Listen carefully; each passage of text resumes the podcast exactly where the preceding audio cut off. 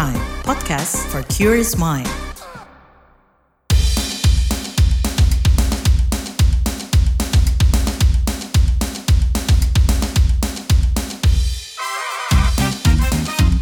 What's Trending KBR Pagi, siaran pagi radio paling update.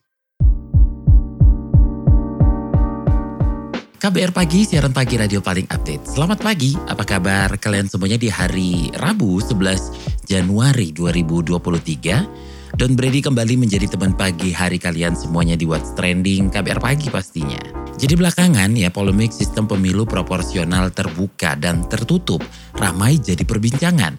Tak terkecuali di media sosial nih. Sebelumnya sejumlah pihak mengajukan uh, uji materi undang-undang pemilu ke Mahkamah Konstitusi. Salah satu pasal yang diuji adalah mengenai sistem pemilu proporsional terbuka dalam pemilihan anggota DPR dan DPRD. Sistem proporsional terbuka adalah memilih mencoblos lambang partai dan nama calon anggota legislatif. Mereka meminta MK mengganti sistem itu menjadi proporsional tertutup atau pemilih hanya mencoblos lambang partai saja. Dengan sistem tertutup, calon legislatif jadi bergantung pada kehendak atau putusan partai. Polemik sistem pemilu proporsional terbuka dan tertutup itu mendapat respon dari berbagai elit partai politik dan tak lepas juga mendapat reaksi dari netizen pastinya. Memangnya seberapa penting sih suara netizen terkait pemilu? Dalam diskusi virtual bertajuk Netizen menentukan pemenang Pilpres 2024, hasil survei LSI Denny JA menunjukkan bahwa komunitas digital atau netizen jumlahnya sudah 50% lebih, khususnya untuk pengguna Facebook. Bahkan untuk pengguna WhatsApp dan WhatsApp Group mencapai 60%. Ade Mulyana menyebut dengan jumlah di atas 50% ini maka dapat dikategorikan bahwa netizen merupakan kantong suara besar baru yang memiliki potensi besar untuk mempengaruhi hasil pemilu dan pilpres 2024. Netizen sebagai kantong suara yang potensial ini sebelumnya tercermin dari pemilu di Filipina, di mana Ferdinand Marcos Jr. berhasil memenangkan pemilu berkat kampanye digital yang masif. Mayoritas pemilih di Filipina itu berasal dari kalangan muda, hampir sama kondisinya seperti Indonesia. Sebelum kita bahas lebih lanjut, kita dengarkan dulu komentar warganet plus 62 berikut ini. Thank you. Kita ke komentar at XX selalu ada plus minusnya biar adil boleh juga sistem campuran. Lalu ke komentar at XX bagus untuk legislatif pusat DPR RI namun kalau bisa untuk DPRD 1 dan 2 gunakan terbuka dan pemilihannya bersamaan dengan pilgub dan pilbub masing-masing daerah. At Lukito XX terbuka tertutup sama aja toh bila udah kepilih dan duduk di DPR tetap nurut garis komando partai atau ketum partai. At Samara DKI, dengan pemilu terbuka aja banyak masyarakat yang belum kenal baik dengan wakil rakyatnya. Bayangin kalau pemilu tertutup, tentu makin parah. Komentar at Solimia XX tertutup lebih baik asal diumumkan kepada publik caleg dari setiap partainya dan kampanyenya bersamaan biar bisa saling membandingkan. Komentar at Alim XX sama-sama nggak ada untungnya setelah terpilih takut pada partai. Proporsional tertutup menguntungkan petinggi dan pemilik partai, proporsional terbuka menguntungkan calon yang dikenal atau populer aja walaupun nggak punya kompetensi untuk jadi anggota DPR atau DPRD. Lalu at Martin XX ya menurut saya karena itu sistem terbuka harus kenal banyak orang orang. Kalau tertutup kan tinggal fokus partai yang secara ideologis dan program sesuai. At Sunar XX ada benarnya, tapi pemilu langsung cuman bikin selebritas yang nggak ngerti ngurusin negara terpilih. Cuman gegara banyak masyarakat yang mengenalnya. Dan itu sangat menguntungkan parpol yang mengusung artis tapi rakyat yang merasakan mereka rata cuman ngejar materi dan glamor. Dan terakhir komentar at Gatot XX tertutup pernah, terbuka pernah. Rasanya sama aja sih.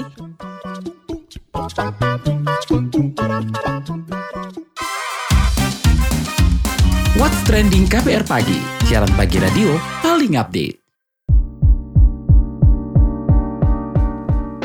Kita lanjutkan obrolan kita pagi ini jadi menanggapi ramainya perdebatan soal usulan sistem pemilu proporsional tertutup. Komisi Pemilihan Umum atau KPU menegaskan sistem pemilu 2024 akan dilaksanakan sesuai dengan konstitusi. Tenaga ahli KPU Andika Pranata Jaya mengatakan sebagai penyelenggara pemilu KPU akan patuh terhadap putusan Mahkamah Konstitusi yang tengah memproses judicial review Undang-Undang Pemilu. Ini dia keterangan lebih lengkapnya. Posisi KPU hari ini adalah pelaksana undang-undang. Jadi saya ingin menegaskan bahwa KPU tidak pernah beropini ataupun terlibat dalam pembentukan opini yang berkembang sekarang soal apakah ini mekanisme tertutup atau terbuka. KPU adalah pelaksana undang-undang. Begitu memang uh, perintah undang-undang sampai hari ini kan kita secara terbuka begitu ya. Nah, tapi nanti kalaupun perintah undang-undangnya dilakukan secara tertutup, maka tentu KPU berkewajiban untuk melaksanakan perintah undang-undang. Itu satu. Yang kedua, untuk di media sosial, kemudian publikasi, KPU sudah memiliki banyak instrumen ya, mulai dari seluruh media sosial kami ada, seluruh proses yang dilakukan KPU hari per hari itu kami sampaikan ke ruang publik. Setiap hari Jumat eh, di KPU juga ada forum diskusi, ruang preskon kita berdiskusi dengan banyak kalangan dengan eh, mengangkat berbagai topik dan isu. Semua itu dalam rangka penyampaian informasi, kemudian uh, memutahirkan informasi yang kami miliki begitu. Nah untuk di media sosial di apa ya yang yang kekinian lah katakanlah begitu Instagram, Facebook, website itu KPU selalu update untuk memberikan informasi. Sementara itu, Direktur Eksekutif Perkumpulan untuk Pemilu dan Demokrasi Perludem, Koirunisa Nur Agustiati, menekankan setiap sistem pemilu memiliki kelemahan dan kelebihannya masing-masing. Seperti apa plus minus sistem proporsional tertutup dan terbuka dari segi demokrasi? Kita dengarkan penjelasan dari Direktur Eksekutif Perludem, Koirunisa Nur Agustiati kepada KBR 6 Januari 2022. Nah, di sistem pemilu proporsional terbuka sendiri memang artinya uh, kita sebagai pemilih itu punya kuasa untuk menentukan sendiri siapa caleg yang uh, menjadi preferensi kita. Nah, dari sisi kekurangannya memang tentu pemilih akan mendapatkan surat suara yang lebih besar gitu ya, karena hmm. di dalam surat suara itu kan hanya akan ada tanda gambar partai politik dan juga nama calonnya. Pemungutan suaranya tentu menjadi lebih kompleks. Nah, sementara dengan sistem pemilu proporsional tertutup, partai politik menjadi lebih kuat positioningnya. Karena kalau misalnya tadi di sistem pemilu proporsional terbuka kan akhirnya menjadi kandidat center gitu. Kandidat hmm. juga ikut berkampanye, sementara di sistem pemilu proporsional tertutup kan apa kita sebagai pemilih itu kan hanya memilih partai gitu ya. Nanti di surat suara hanya akan ada tanda gambar partai politik saja, tidak ada nama calonnya. Tentu surat suaranya menjadi lebih sederhana, lebih kecil. Partai politik jadi bisa punya kuasa yang lebih besar. Nah, salah satu uh, kekurangannya dalam kondisi hari ini ketika kondisi partai politik kita belum belum demokratis gitu ya. Kita sebagai pemilih yang tadinya punya kesempatan untuk memilih calegnya langsung, maka kuasa itu menjadi hilang gitu. Karena dengan kondisi partai yang belum dinilai demokratis ini, maka mereka yang ditempatkan oleh partai politik, kita nggak punya parameternya apa. Misalnya kenapa si A ditempatkan di nomor urut satu, nomor urut dua, Nah, kalau dalam kondisi hari ini ada peran dari pengawas pemilu misalnya gitu ya, dari mendorong untuk dana kampanye itu lebih transparan, itu bisa menjadi salah satu hal yang dilakukan untuk meminimalisir politik uang. Tapi kalau kita bicara soal sistem pemilu proporsional e, terbuka secara umum, yang tadi dinilai kompleks dan lain sebagainya itu memang masing-masing sistem ini karena punya kelebihan dan kekurangan perlu ada kondisi-kondisi yang harus dipenuhi untuk meminimalisir dari kekurangan masing-masing sistem ini. Misalnya kita saat ini menggunakan sistem pemilu proporsional terbuka. Sistem ini dinilai kompleks karena kan kita menggabungkan lima jenis pemilihan, lima jenis pemilu dalam satu hari yang sama. Pilpres, DPR, DPRD provinsi, DPRD kabupaten kota, DPD dalam satu hari yang sama daerah pemilihannya pun juga besar-besar sehingga terasa betul kompleksitasnya gitu. Sehingga kalau kita mau menerapkan sistem pemilu proporsional terbuka, ya sebaiknya tidak menggabungkan semua jenis pemilu dalam satu hari yang sama, termasuk juga daerah pemilihannya pun bisa lebih disederhanakan untuk mengurangi kompleksitas ini. Hmm. Ini juga bisa, hal yang lain juga bisa dilakukan adalah selama ini kan yang melaporkan dana kampanye itu partai politik, sementara caleg juga melakukan kampanye di lapangan tapi dia tidak wajib melaporkan ke KPU, hanya melaporkan kepada partai politiknya. Nah seharusnya caleg juga dimintakan untuk memberikan laporannya gitu ya, laporan dana kampanyenya supaya lebih transparan. Kan kita menggunakan sistem pemilu proporsional terbuka.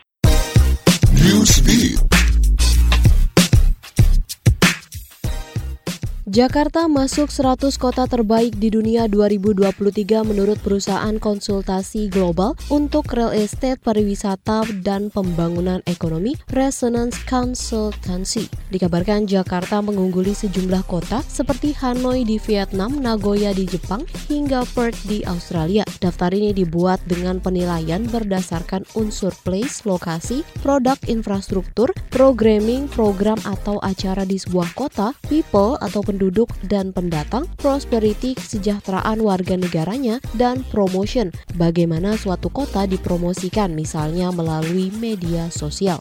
Perdana Menteri Malaysia Anwar Ibrahim tolak mengakui komunitas lesbian, gay, biseksual, transgender, LGBT, paham sekularisme dan komunisme di wilayahnya. Anwar Ibrahim menekankan keengganannya mengakui ketiga kelompok tersebut. Dia memastikan di bawah kepemimpinannya, kelompok LGBT tidak akan pernah diakui. Meski begitu, dia menyangkal dirinya menjalankan pemerintahan yang diktator. Dia mengklaim akan menjalankan pemerintahan yang mengutamakan paham demokrasi.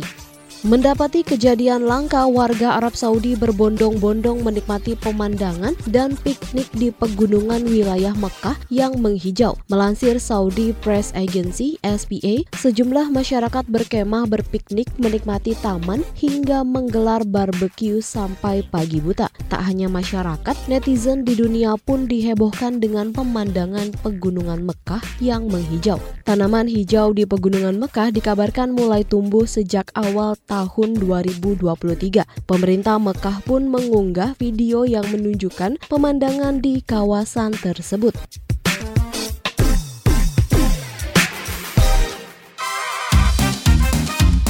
What's Trending KPR Pagi, siaran pagi radio paling update. Trending gimana sentimen netizen soal sistem pemilu proporsional, terbuka dan tertutup. Itu yang kita obrolin pagi ini. Nah untuk mengetahui bagaimana sentimen netizen soal sistem pemilu proporsional, terbuka dan tertutup, yuk kita ngobrol bareng pengamat media sosial Enda Nasution. Oke, gimana nih polemik dan sistem pemilu dibincangkan di dunia maya? Seperti apa sentimen netizen? Sebenarnya secara umum kan yang banyak kita dengar itu adalah judicial review-nya. Lalu kemarin ada penolakan dari beberapa partai bersama gitu ya, dan yang masing-masing tentunya punya akun media sosial, baik itu partai politik maupun tokohnya yang lumayan besar. Nah sehingga memang apalagi kemudian di pick up juga oleh teman-teman media gitu ya, yang sama-sama mengabarkan lewat media sosial juga. Nah secara umum sebenarnya hampir semua kalau di media sosial ya tidak ada yang setuju dengan sistem proporsional tertutup gitu karena dengan berbagai banyak pemikiran bahwa tentunya rakyat jadi harus memilih lagi kucing dalam karung gitu tapi memang jumlah pembicaranya tidak banyak karena saya rasa bagi sebagian besar netizen yang anak muda kayaknya ini isu yang agak terlalu high level istilahnya ya politiknya juga tidak terlalu langsung mengena ke pemilih secara langsung gitu. Seberapa concern netizen soal ini? Sudahkah netizen paham betul pilihannya? Saat ini sih belum ada yang membahas secara khusus ya. Biasanya dalam sebuah isu tertentu yang sifatnya cukup kompleks gitu ya, lalu kemudian mungkin tidak terlalu jelas apa konsekuensinya terhadap masyarakat secara umum, biasanya ada para influencer atau para tokoh sosial media yang kemudian mencoba menerangkan dan kemudian menggalang kekuatan gitu ya atau menjadi semacam pressure group di media sosial untuk mendukung salah satu pihak. Nah ini sih saya lihat belum muncul ya diskusi ataupun gerakan itu khususnya di Twitter yang memang paling cepat bergerak ya. Tapi yang masih paling banyak adalah justru malah kalau tidak akun-akun pendukung partai tertentu yang memang menolak gitu ya atau tokoh-tokoh tertentu yang juga memang menolak. Sebagai, sebagai contoh misalnya Partai Demokrat menolak, Partai Nasdem menolak, PKB juga menolak. Nah ini akun-akun yang memang terafiliasi ke sana ini yang getol untuk kemudian mengabarkan bahwa harus kita harus menolak proporsional tertutup gitu kurang lebih sih seperti itu. Tapi kalau dari masyarakat atau dari netizen biasanya ini belum muncul sih pembicaraan ke arah apakah menolak atau setuju gitu belum muncul. Bagaimana edukasi dan literasi soal ini? Perlu nggak sih ada edukasi biar masyarakat paham pilihannya? ya memang mungkin bisa disayangkan bahwa belum ya yang melakukan edukasi secara khusus khususnya mungkin para warga negara muda atau pemilih muda gitu. Saya rasa ini mungkin belum aja kali ya. Cuman masalahnya kan ini nanti sebenarnya yang memutuskan nantinya kan di MK ya dan sebenarnya dari yang mendukung PDIP dan yang menolak sudah ada delapan partai lain yang menolak saya rasa cukup berimbang lah kekuatannya gitu sehingga tidak ada satu dorongan khusus dari masyarakat dari netizen untuk harus memihak di salah satu sisi gitu. Nah, tapi saya rasa betul bahwa sebenarnya memang perlu diedukasi apa sih proporsional tertutup dan kenapa ditolak gitu ya. Sayangnya memang yang tertarik tidak banyak. Kalau kita lihat ya, kalau kita bandingkan misalnya jumlah views diskusi-diskusi politik di YouTube, walaupun sudah cukup banyak ya, tapi kalau kita bandingkan dengan jumlah penonton atau views dari video-video lain yang sifatnya lebih ke hiburan atau entertainment yang jumlah viewsnya bisa sampai jutaan biasanya jumlah viewsnya yang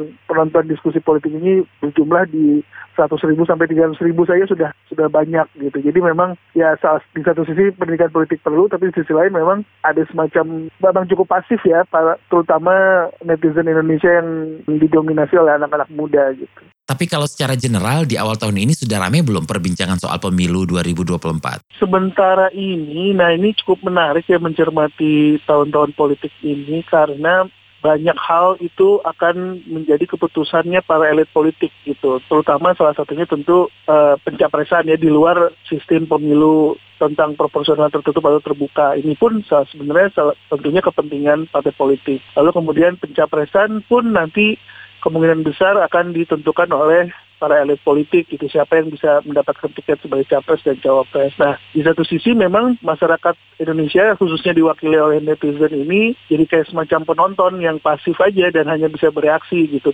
Tapi belum ada penggalangan secara khusus ya yang berhasil menurut saya lewat media sosial walaupun kita lihat memang salah satu indikator keberhasilan para capres cawapres ini memang bisa dilihat dari reaksi di media sosial gitu. Tapi secara umum masih didominasi oleh mereka yang memang elektabilitasnya tinggi gitu. Jadi top 5 katakanlah Mas Anies, Mas Ganjar, Pak Prabowo, Ridwan Kamil ya. Saya rasa selain elektabilitasnya top 5 dan memang masing-masing masih dengan kegiatannya masing-masing sebagai dalam berbagai posisi ya. Ada gubernur ada juga mungkin yang sudah secara resmi mencapreskan gitu. Memang paling banyak mendapatkan reaksi juga di media sosial. Tapi kan belum resmi ya karena memang nanti siapa yang akan mendapatkan capres atau cawapres kan masih di gitu di tahun ini gitu. Nah sehingga memang belum bisa ber, berkampanye secara terbuka. Nah ini juga yang kayaknya jadi semacam wait and see ya bagi para netizen jadinya. Karena masing-masing kadang-kadang ada yang mengeluarkan opini A, opini B gitu ya, terutama yang berkaitan dengan kebijakan yang diambil oleh para yang nantinya mungkin akan menjadi capres-cawapres. Tapi yang kalau kita bilang apakah ada kampanye, apakah ada penggalangan masa,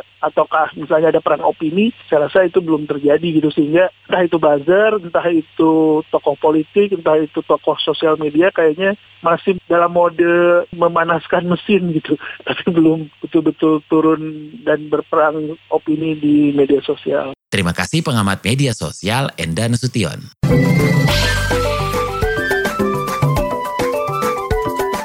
WhatsApp Indonesia.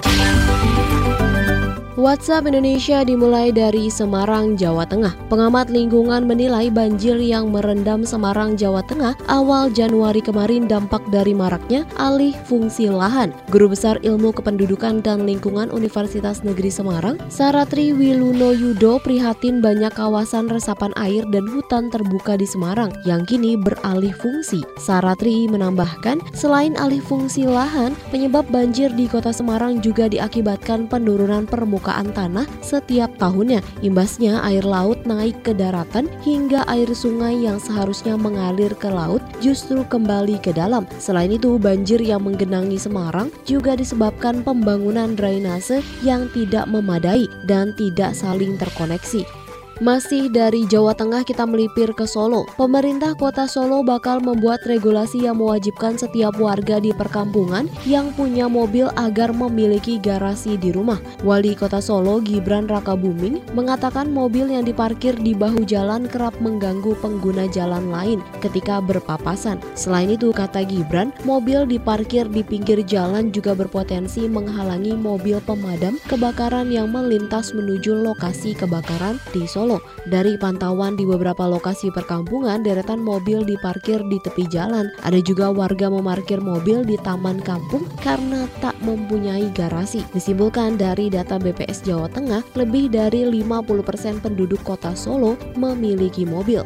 Terakhir mampir Depok, Jawa Barat. Kegiatan belajar mengajar siswa SDN Pondok Cina 1 Beji kembali normal usai Wali Kota Depok Muhammad Idris menunda relokasi. Dilansir Antara News, Wakil Wali Kota Depok Imam Budi Hartono mengungkapkan bahwa pemerintah kota mengakomodasi orang tua siswa SDN Pondok Cina 1 yang menginginkan anaknya tetap bisa belajar di sekolah itu maupun orang tua yang ingin anaknya pindah ke sekolah yang lain. Sebelumnya rencana pemerintah Kota Depok untuk merelokasi SDN Pondok Cina 1 dan menjadikan lokasi sekolah tersebut sebagai tempat pembangunan masjid menimbulkan polemik. Sebagian orang tua siswa SDN Pondok Cina 1 menuntut pemerintah kota menyediakan gedung sekolah yang baru bagi seluruh siswa sebelum menggunakan lahan sekolah untuk membangun masjid. Demikian WhatsApp Indonesia hari ini.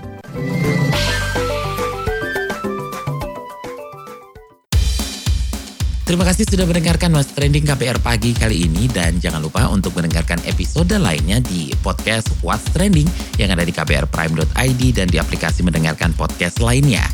Jangan lupa juga untuk di like, share, dan follow ya. Dan berani pamit, besok kita ketemu lagi. Stay safe, bye-bye.